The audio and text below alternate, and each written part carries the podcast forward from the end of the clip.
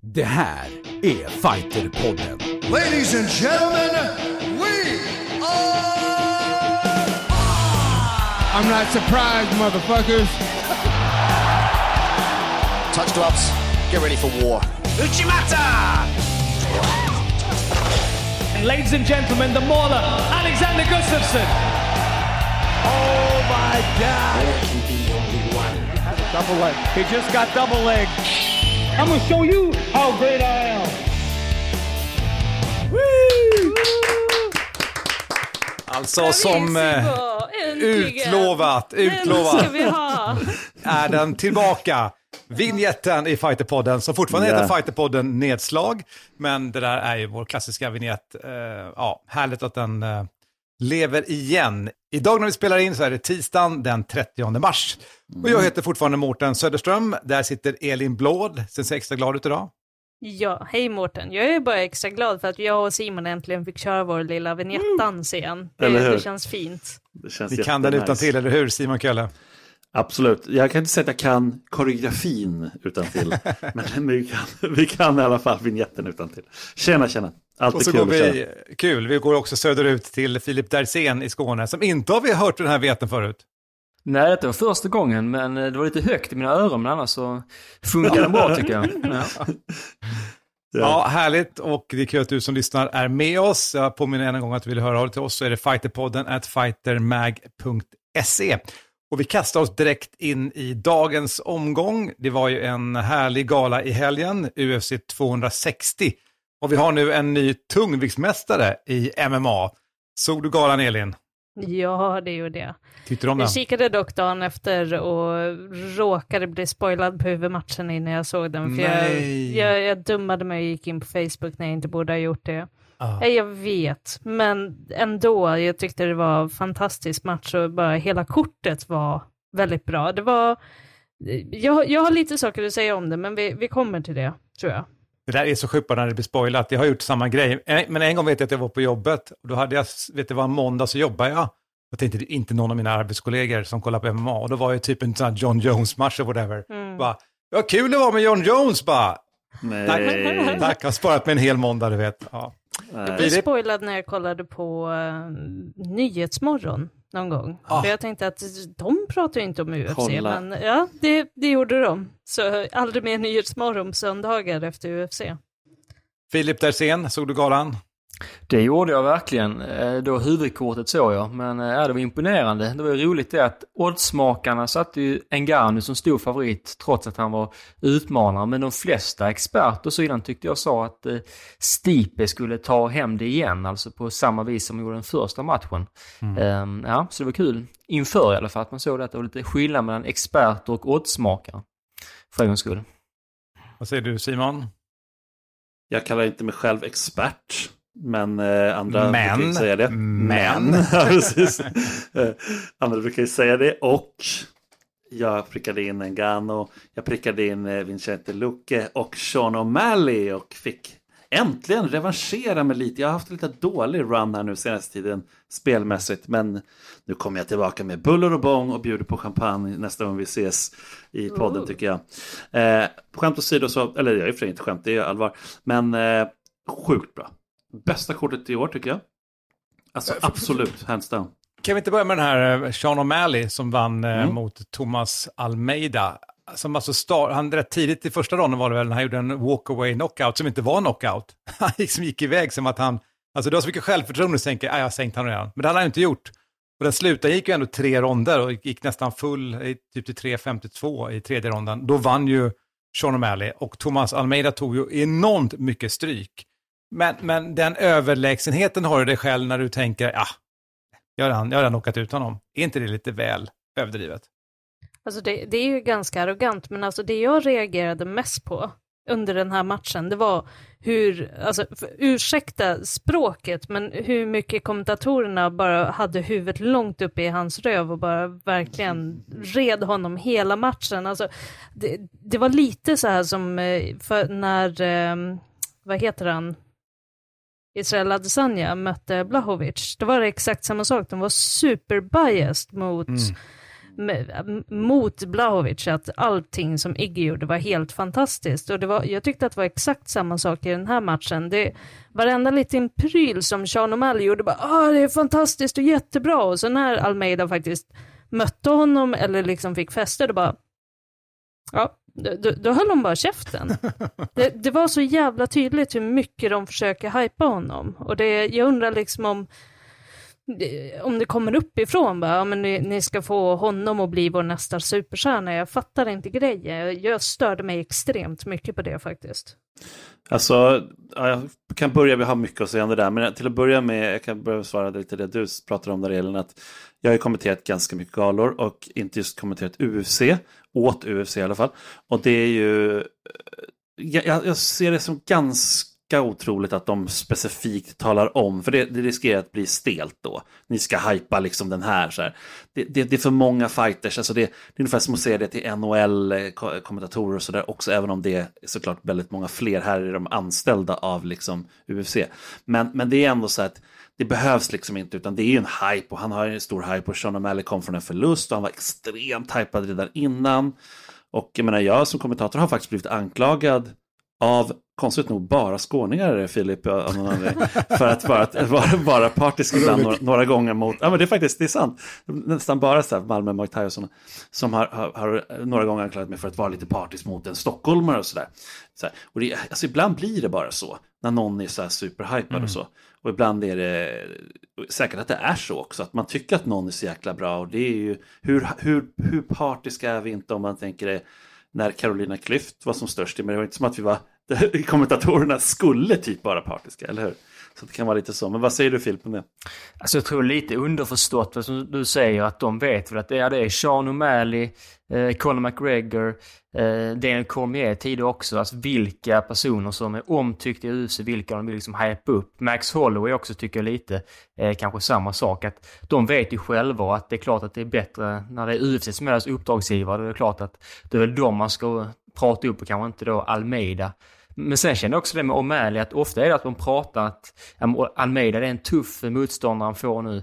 Han hade ändå varit fyra raka förluster och sen innan dess var det Quinones som också hade några förluster och sen var det ju Eddie Wineland som också väl hade alltså tre raka förluster och sånt där.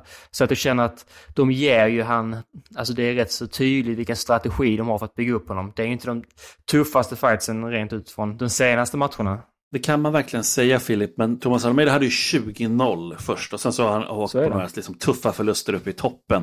Och det är liksom så här, men det är klart att är någon på väg neråt som Almeida, man måste ändå säga att Almeida är, eh, så är det ju kanske potentiellt lite lättare när, när de är typ oövervinnliga. Liksom så där. Men Sean O'Malley, han får se upp säger jag. Det är det jag vill ta med mig från den här matchen. Han får verkligen se upp. För han vill ju ha liksom, eh, så här att det ska vara synas på hans highlights och allting sådär. Det är därför han gör den här walk-offen och allting.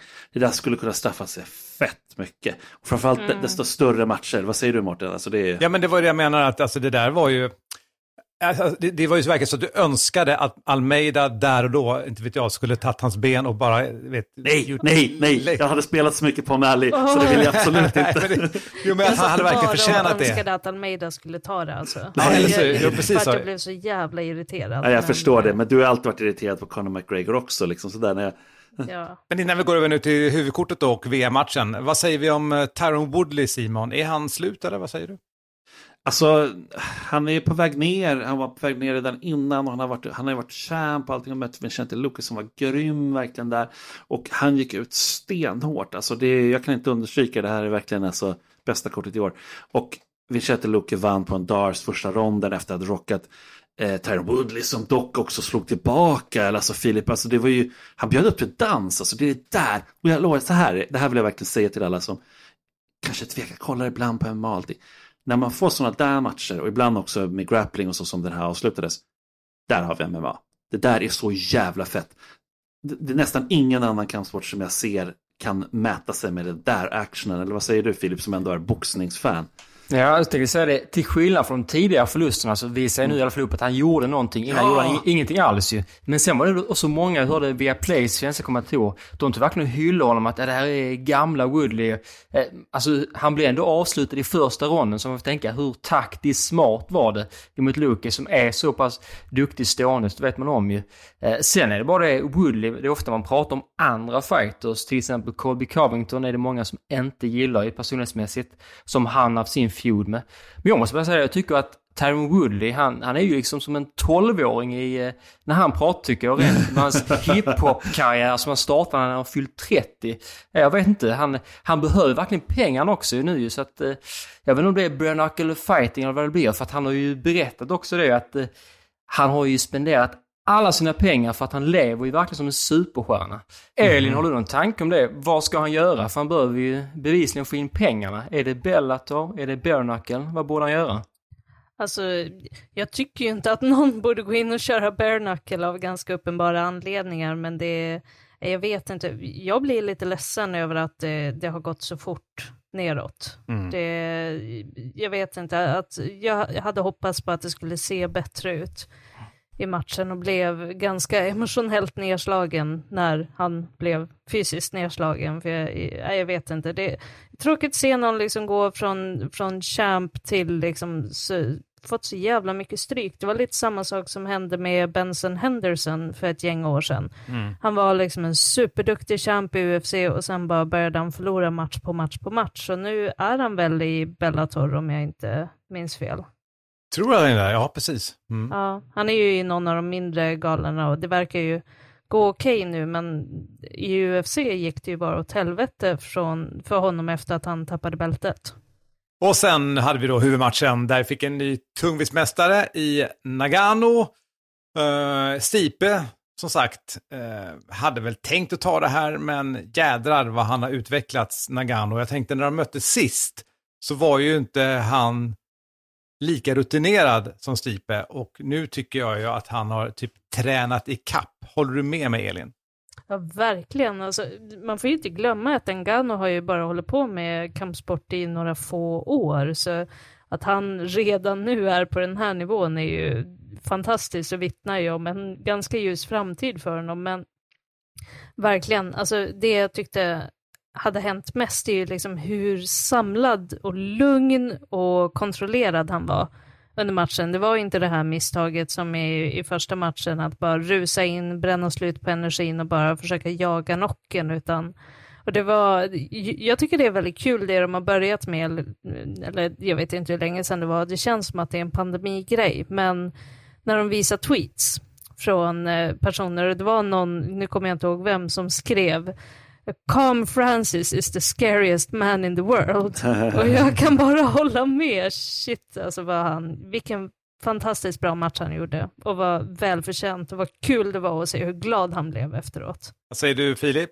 Ja, jag kan bara hålla med och att han var så lugn. Jag tror att eh, många andra, alltså, vi har ju sagt det att ja, men, vi har sett honom så kort tid i oktogonen efter eh, just förlusten mot Eric Lewis och Stipe så att man, man vet inte riktigt hur bra är han på brottning, nedtagningsförsvar och sådär men han var ju så lugn, jag tror att han själv vet hur otroligt mycket bättre han är nu än när de möttes senast. Jag tror att det var en, ett lugn som ja, infann sig bara av den anledningen. Och ja, matchen det var... Ja, jag, jag tror inte han, han tvekar inte en sekund alltså. Jag är så imponerad och eh, om man tänker utifrån hans genetiska förutsättningar, hans fysik. Alltså han hade kunnat gå in och dominera en bodybuilding-tävling, liksom Mr Olympia, om han bara velat göra det. Så att, nej, jag tror att eh, så länge bara MMA eh, han fortsätter utveckla sig så blir han ju enormt svårslagen. Dina tankar Simon? Alltså det, man, man har bara lust att dansa, typ någon sån här afrikansk dans. Oh, Ngano! Eh, och liksom sjunga och grejer. Alltså han är så, nej men grejen är så här, ni brukar ju ofta, jag säger ni, kanske inte du så mycket Filip, men ni andra här, Mårten och Jelle. Och alla våra gäster i stort sett brukar ju basha på, på tungviktare. Ja, ah, men så tråkiga, ja, det är så segt och sen rätt för det så kommer det nog. Men alltså, jag tycker så här att när det sitter, när det är liksom en Ja, ja. riktig nerv i en tungviktsmatch, så finns det ingenting i hela världens sportsväg tycker jag som riktigt sådär nästintill kan mäta sig. Och, och det är ju så här, de brukar alltid säga the baddest man on the earth, typ, eller planet eller vad de säger. Det är lite töntigt, jättetöntigt. Men alltså, det tror jag de flesta kände efteråt. Vem fan ska slå fast- Francis Ngannou? Fast får jag bara lägga in aspekt, för jag håller Ja, med om det. absolut. Jag har bärsat mycket på tungvikt. Det Men du, det var verkligen två otroliga atleter. Och det vill säga det, man får inte glömma det att där och då vägde förmodligen Stipe eller eh, Nangano kanske 115-120 kilo kanske. Att han var, alltså, och, och de rör, Stipe framförallt, han rör ju sig som en, som en lättviktare, otroligt rörlig och snabb. Liksom. Lite snällt sagt kanske, men, Lite men det gjorde ju också, ja det var lite snällt sagt, men, Ja. men det gör ju också att det blir, Alltså att, de, att det inte går så fort är ju snarare den här rädslan för, för att Stipe vet ju, får jag en smäll så ligger jag så att det blir en distans, men väldigt snabb på fötterna. Och får man även ge Alexander Gustafsson när han kom in, han var också väldigt snabb. John Jones, finns några till som har varit så här snabba. Och då är det ju inte tungviktsproblemet. Det stora är ju när det verkligen är två stycken nästan flodhästar som bara står och hänger på varandra, då blir jag galen. Filip? Mm. Jag vill också säga det att jag älskar verkligen tungvikt i både boxning och Nice. MMA. För att jag såg några timmar innan jag såg Ngannou Stipe så var det en match i boxning. Två 52 kilos boxare. De var väl 32-33 tänker jag. Ja, det här är ju verkligen inte alltså, de farligaste männen på planeten. De väger så lite. Men alltså, när man tänker Francis Ngannou. Man har kunnat ta alltså, varenda person man någonsin har tyckt är tuff liksom, på någon klubb eller... Han hade kunnat nita alla och det är det man vet. Det är ingen som tar honom i hela världen. Jag tycker det är faktiskt en cool känsla att faktiskt kunna säga det. Men han är faktiskt the baddest man on the planet rent fysiskt. Så det är Ja. en... Ja, men faktiskt. Och, och Stipe har ju alltid lidit med det där att folk ändå, för att han inte ser så jäkla tuff ut Nej, sådär egentligen. Eh, sen är inte han en liten person på långa vägar, men, men ändå sådär att Francis Ngannou ser ju liksom galet tuff ut. Sådär, så att, ja, sen har, han är ändå 93 eller något sånt där jag minns rätt. Och det är fortfarande ändå inte så här, det finns många tvåmeters eh, personer som är bra på fightas, men, men det är inte det, så det är inte bara liksom längd och storlek, utan det är ju, det är ju hans eh, ihopsättning. Ja, sjukt bra i alla fall, men jag, nu fastnar vi kanske lite på det här, men alltså det, Ja, det gjorde ja, vi. Men, men också, dessutom får jag säga, det är klart att det finns många inom UFC som har en brokig bakgrund, men han har ju en helt otrolig bakgrund. Alltså han ja, har ju verkligen. hur många gånger han har fått korsa havet liksom för att ta Mm. sig till Europa. Hemlös och... Eh, Hemlös, alltså han har kämpat så otroligt, har ju alltså inte haft liksom mat i kylskåpet en stor del av sin uppväxt. Och äh, hade då målbild att han faktiskt någonstans skulle lyckas i livet. Inte att det skulle vara MMA, utan det blev liksom som det är livet, ett bananskal, hamnade på någon kampsportsklubb. De bara tänker, vi har fått in ett monster, vad är det här för någonting? Och Ja, men bara alltså- programmerar honom till där han är idag. En superkort grej där bara om det också så här, för att det är en sak som, det pratas ju en del och de gör en grej av det att det är liksom den tredje afrikanska liksom mästaren nu, alltså sådär. Eh, om att Kamaru Usman då, och Israel Adesanya, så är det han då. Men, men det är också så här, Kamaru Usman, han, han föddes för någonstans ändå i Afrika och så, där, så han har ju haft liksom det afrikanska, men han känns så mycket som en amerikan på väldigt många sätt, sätt så han snackar och allting sådär. Israel Adesanya känns ju väldigt mycket som en, som en från Nya Zeeland. Men Francis Ngannou, han liksom, han verkligen är afrikan och verkligen född i en by liksom. Och stöttar den där byn och allting. Och det, det känns som att han, han kan inspirera många tror jag. Det var bara det jag ville säga egentligen. Definitivt. Så är det. Ja, jättekul och eh, som sagt, eh, väl värd då att bli världsmästare. Mm, nu ska vi gå vidare i Fighterpodden Nedslag.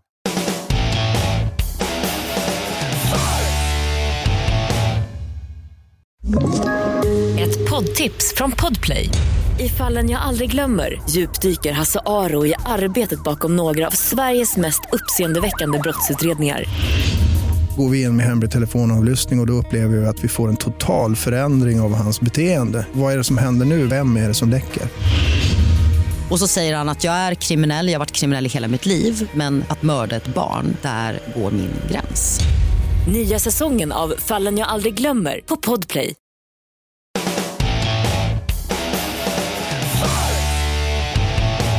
Vi går över till boxning då och det blir en påskgala där en VM-titel står på spel. Vill du eh, briefa oss, Filip? Det kan jag göra. Det är i Dubai som de har lagt den här matchen. De har börjat göra det mer och mer nu under eh, ja, pandemin. Att de lägger det i vissa länder som då, som jag har förstått det, betalar pengar för att man ska komma dit och ha galan istället för att man ha det i Storbritannien eller USA som den annars hade varit i. Eh, och det är Carl Frampton, irländare som rätt känd, var, eh, har tagit några stora segrar i sin karriär. Um, också några förluster, så han har förlorat de bältena han en gång hade. Men han ska utmana om eh, världsmästartiteln igen då. Och nu är det mot en amerikan, Jamal Hurring, som inte är jättekänd och inte gått lika stora matcher som den här Carl Frampton. Men eh, i alla fall lite påskgodis är det ju för att eh, när ni brukar fråga mig så här, men var går den här galan nu? Är det via Play eller är det Eh, måste man gå in på någon konstig sida. Den här gången kan man faktiskt bara gå in på YouTube och se den gratis. Mhm. Så att det finns en länk på fightermag.se till den i eh, Mm, YouTube-spelare. Så det är lite roligt att man faktiskt kan se boxning så enkelt. jag. Vad är det för viktklass det här? Detta är fjädervikten. Eh, och då är det ju lägre, det är, eller superfjädervikt säger jag här nu, men det är ändå lägre än om man säger fjädervikt i eh, UFC. Så de väger lite mindre. Så det är väl runt, runt 60 kilo, lär det vara. Mm, Att de Och går det i. är WBO eller är det någon annan? Detta är WBO, så att eh, Ja. det är ett av de största bältena. Och det jag tänker också man kan, eh, om någon, på, alltså någon som lyssnar på det inte kan ha så koll på de bältena, att det är ju verkligen många olika bälten. Vi har ju VBC, VBA, VBO och sen då IBF och IBO. Där då ofta, VBC säger man är det största, IBO är kanske det minsta, men Mm. VBO är ju ändå, ja, det är ju topp tre skulle jag säga. Så det, det är en rätt stor match som eh, är kul att man kan se den gratis liksom. Elin, nu har du precis hört de olika titlarna. Vad, vad finns det för olika bälten? Kan du bara rabbla? Du har precis hört dem. Eh, VBO, Ja. VBF, V- nej. Och jag önskar att jag hade lyssnat bättre men det, det går rakt in genom ena örat och ut genom andra. Dessa jävla bälten! Eller hur? Och det var inte någon grej för att hänga ut dig Elin. Jag kommer Nej. inte heller ihåg dem. Det är svårt. Alltså det är knepigt Filip med det där. Ja, och detta var faktiskt en fråga på På spåret för några år sedan. Vet jag, när de tog upp om... eh, Och det var ju ingen som kunde. Så jag, jag, jag satt och tänkte, men vilket är det fjär, femte då? Så fick jag in det precis i slutet. Men, Så det är inte många som... Det är ju nästan ingen som kan dem ju. Men eh, man kan det säga är det... väldigt är- nischat men... Ja, verkligen nischat. Och till exempel IBO, det som jag sa är det minsta. Du har ju ändå till exempel Sven Fornling, vår Malmöboxare, eller tungvikt. Han var ju världsmästare i den för något år sedan. Nu så var det ju Stockholmsboxaren, för att då sätta en geografisk stämpel, Oskar Alin, som eh, har boxats på ett tag nu som proffsboxare. Han tog nu ett IBO-bälte och på sociala, sociala medier och även Expressen de skrev om det lät det nästan som att men det här är ju ett riktigt eh, VM-bälte. Men för det första är det ett IBO-bälte som då är det lägsta av de här eh, organisationerna. Sen var det ett interkontinentalbälte. Ja, så att det är inte bara VM-bälte. Och till exempel VBO har tre olika världsmästare. Så att, nej, det, man, man kan aldrig gå rätt i världsmästare i varje viktklass. Ja. Alltså bara för att svara på din retoriska fråga där förut Mårten, så här, "Åh, håller inte MMA på att bli samma? Alltså, nej, alltså den dagen som du kan vinna både bältet i UFC och i Bellator och i Cage Warriors och i Superior Challenge på samma, samma match, ja, då är det samma sak. Men annars, nej. Mårten samma vill göra det, det är hans våta dröm. Det har varit, ända sedan han hörde om Ali Act så har han ju bara Ja, pratat om det. jag i gillar två det, jag tycker det. Ja, men det är Han mer det här. Wiklund. Ja, men det är samma sak som nu, nu diskuterar vi ju Nagano förut här, att han är the baddest man on the planet och den tuffaste. Ja, men så är det en annan tungviktsmästare, en annan organisation. Jag skulle gärna vilja se att de möts. Men vi stänger det där nu. Har du något, mer kring, det. något mer kring boxning, Filip? Eh, Ja just det, jag har även en eh, Team Sauerland, eh, det är tyska promotorn, de som var, de kom till Sverige då för några år sedan när E- Erik Skoglund tog tillbaka boxningen och boxfest, då var det de som eh, sände på TV10 och gjorde galor och sådär. De gör det inte längre nu efter att skolan blivit skadad. Men de sa att de skulle re, alltså revolutionera hela branschen, gick de ut med förra veckan.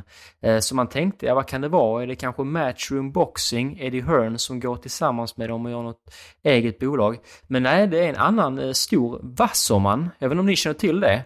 Eh, Wasserman, det är någon form av agentur eller sådär som är väldigt stor i andra sporter. Har ett team i cykling, i Tour de France, har varit inne i, ja, alltså har massa olika, och Liverpool i fotboll och sådär har varit inne. Så att de har nu gjort Wasserman Boxning, de har köpt Team Sauerland. Så att det kan komma in mycket pengar i det nu kanske och det kan göra att de eh, har ju haft en eh, Muhammad Ali Trophy, har ju Sauerland haft, där de försöker samla alla de bästa boxarna i en viktklass, åtta stycken, som möts i utslagsturnering.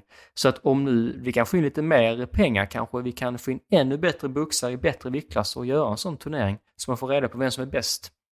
Så är det ju verkligen. Och vi ska också säga det att Oskar Alin har vi haft med i podden. Eh, så man kan lyssna på det.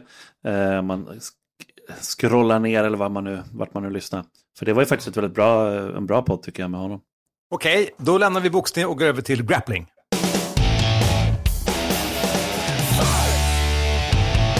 Ner på backen, det handlar om grappling och du har kollat grappling i helgen, Elin. Vad har hänt? Ja, det har jag gjort. Jag har kollat på den här galan Who's Number One.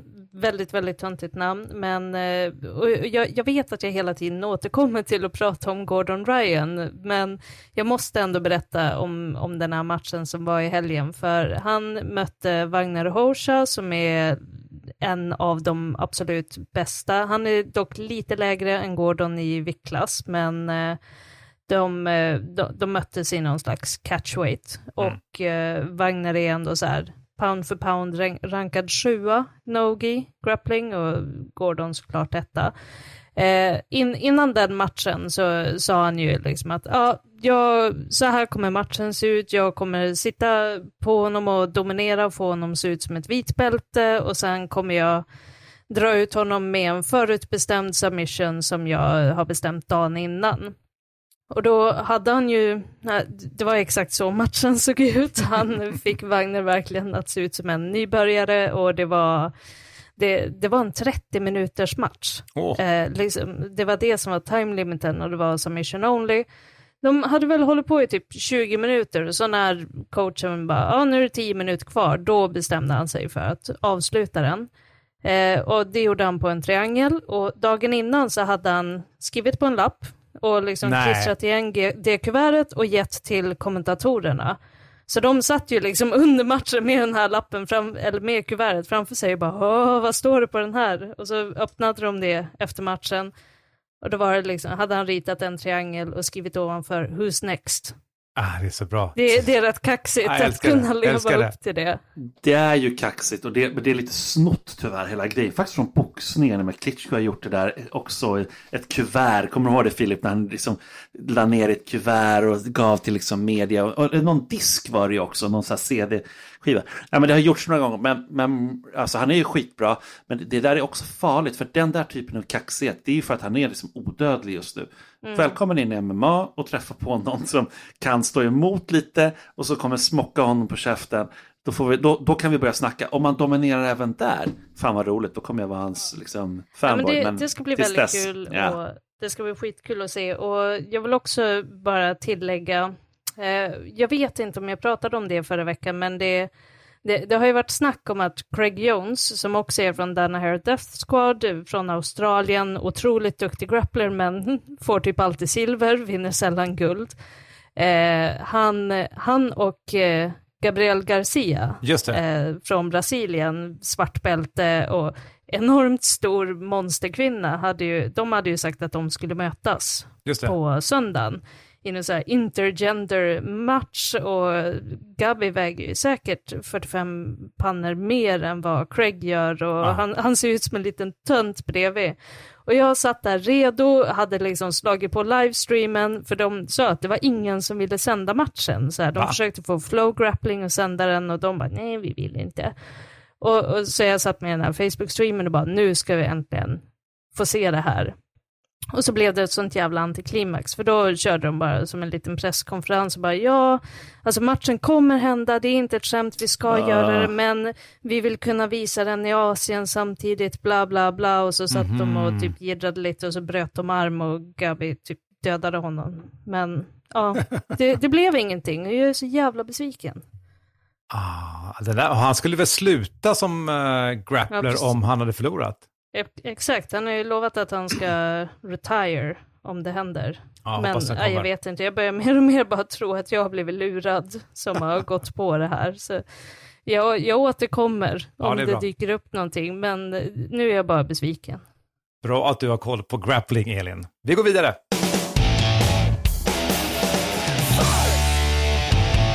Lite kortnyheter då, slutligen här i Fighterpodden. Nedslag. Eh, Anton Turkaj ska gå match, Simon. Absolut, stort svenskt hopp verkligen inom MMA. Anton Turkaj, 6-0 i record. Första april går, går han alltså, och möter en tuff fighter som hoppar in på kort varsel. Som heter Konstantin Soldatov. Eh, som är 5-1 och de möts i Brave. Och så Soldatov han är från Kazakstan. Eh, och eh, Alltså det råder viss oklarhet. Jag har kollat upp honom lite grann och det är så här, de fighters han har slagit har typ ingen record och så här. Så det är väldigt så skumma personer. Men jag har hört lite på hörsägen för jag hörde mig lite för kring den här snubben. Och det är att han kallas till hooligan också. Han har gått väldigt mycket så här osanktionerade matcher tydligen och sånt. Och de har massa galor där. Det vet vi också från Guram Kutateladze och så här från det landet han kommer ifrån. Eh, att många av de här forna Sovjetländerna, eh, liksom, länderna, de där, där sker ganska mycket sådär liksom lite mer osanktionerade galor och matcher och sånt. Så att, eh, men han åkte i alla fall på en förlust i sin senaste match, liksom legitima match då så att säga. Och eh, på domslut. Men i övrigt så har han sett eh, dominant ut, men det är väldigt svårt att säga någonting. Och alltså frågan för mig till er, det är väl lite så här, hur långt kan Anton gå? Och alltså, eh, the sky's the limit känns ju som just nu, eller vad säger ni? Alltså rent eh, showmannamässigt kan han ju gå liksom till världstoppen och jag tror även rent atletiskt och så. När jag intervjuade honom så berättade han att han har helt galna tider liksom rent eh, Alltså han går ut och springer nästan en maratonlopp och sådär. Mm. I alla fall halvmaratonlopp när liksom andra springer en 5 km. Så han verkar vara väldigt bra fysiskt tränad. Nu får man ju se lite, för han åkte ju på, jag vet inte om det var att någonting bröts, jag tror någonting bröts i benet mot Ibo Aslan när han åkte på de bensparkarna i den matchen han sen vann. Så han har ju varit borta några månader helt från träning. Mm. Och detta blir en comeback, så det ska bli spännande att se hur det har påverkat honom. För jag känner lite som att den här matchen, om man kunde göra det som man gjorde mot Ibo Aslan, som är liksom Alexander Rakic, eh, UFC-fighterns mm. eh, främsta träningspartner nästan. Då tror jag att han, eh, han kan ta de flesta i Brave och jag tror absolut att han är ett namn för UFC. Kul med nya svenska fighters som eh, kommer uppåt. Ja. Apropå svenska fighters, Oliver Enkamp har fått ny ranking i Bellator, Simon. Precis, och det är, det är så här att de har lanserat nu Bellator rankinglista, alltså officiella rankinglistor första gången. Och det är ju för att de har nog aldrig haft så här många bra fighters till att börja med.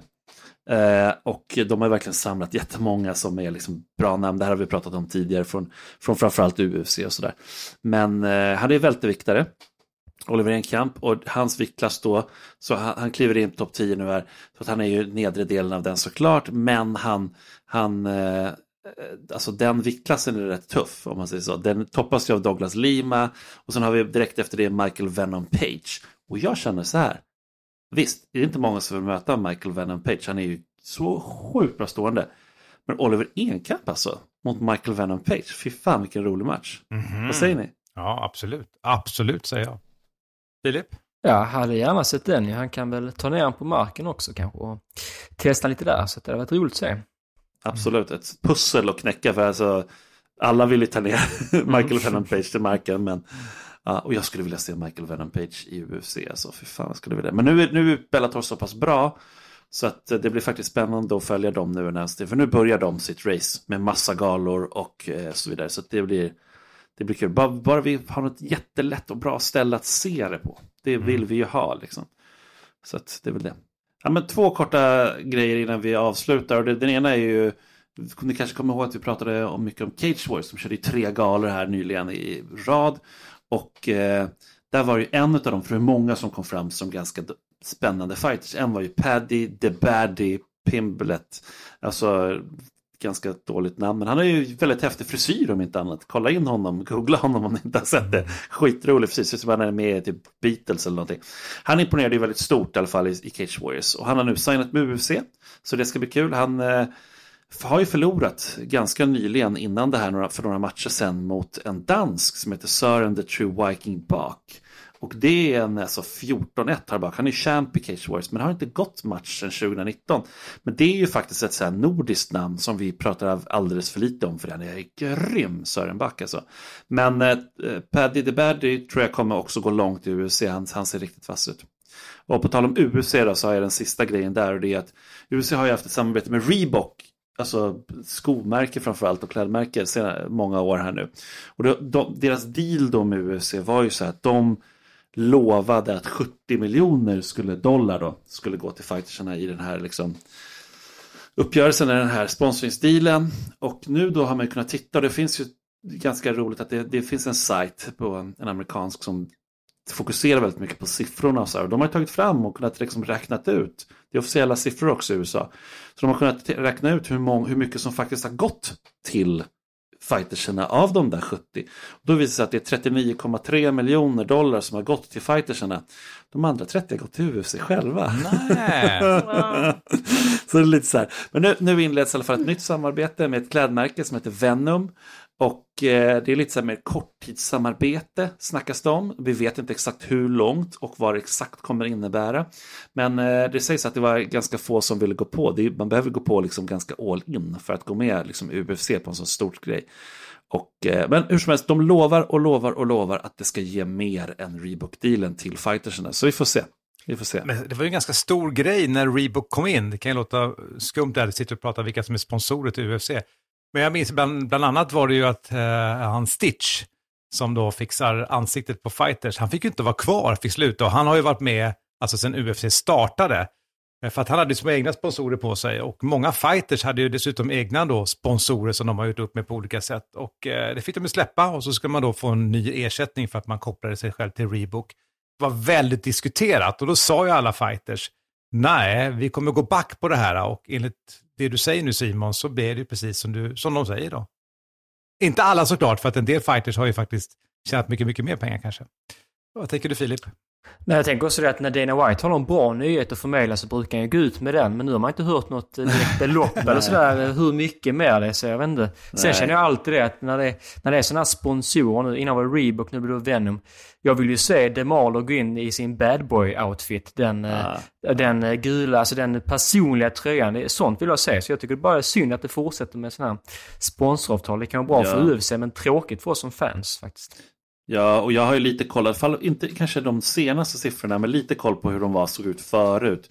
Och jag menar, logga på till exempel Alexander Gustafsson i UC när han var tidigt med i UC. Eh, det kan jag säga så här att ja, det fick han mer för än vad han fick, fick av Rebook, de här automatiska. Så att, eh, men, men, men, UC tjänar ju nu också. Har ju, sånt där, det, för- då förklarar man ju, då, då, då fattar man ju anledningen. De har fått 30 miljoner dollar som skulle kunna gå till dig Elin. Vad säger du istället? Tänk vad jag hade kunnat göra med 30 miljoner dollar. Ja, Det är faktiskt dags för lite eh, påsk nu, men eh, vi är tillbaka är efter det. påsk i tanken. Då kör vi i helg, så jag tänkte önska er en eh, god påsk, en glad påsk. en god glad påsk helt enkelt. Glad god påsk. Detsamma, detsamma. Firar man påsk? Nej, det gör man kanske också nere I i Skåne. I Skåne? Nej, vi, vi har ju bara danska traditioner här nere, så att vi får Det är se. därifrån påsken kommer typ. Ja. Ja. Nu släpper vi det. Tack Elin Blad, Tack Mårten. tack Filip Dersén, Tack, tack. tack Simon Kölle. Ja, men tack Mårten Söderström. Vill du höra av dig till podden så är det Fighterpodden som sagt, at fightermag.se och jag heter Mårten Söderström. Vi tackar för idag och säger...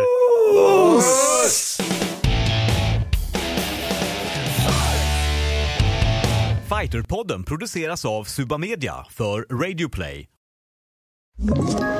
Ett poddtips från Podplay.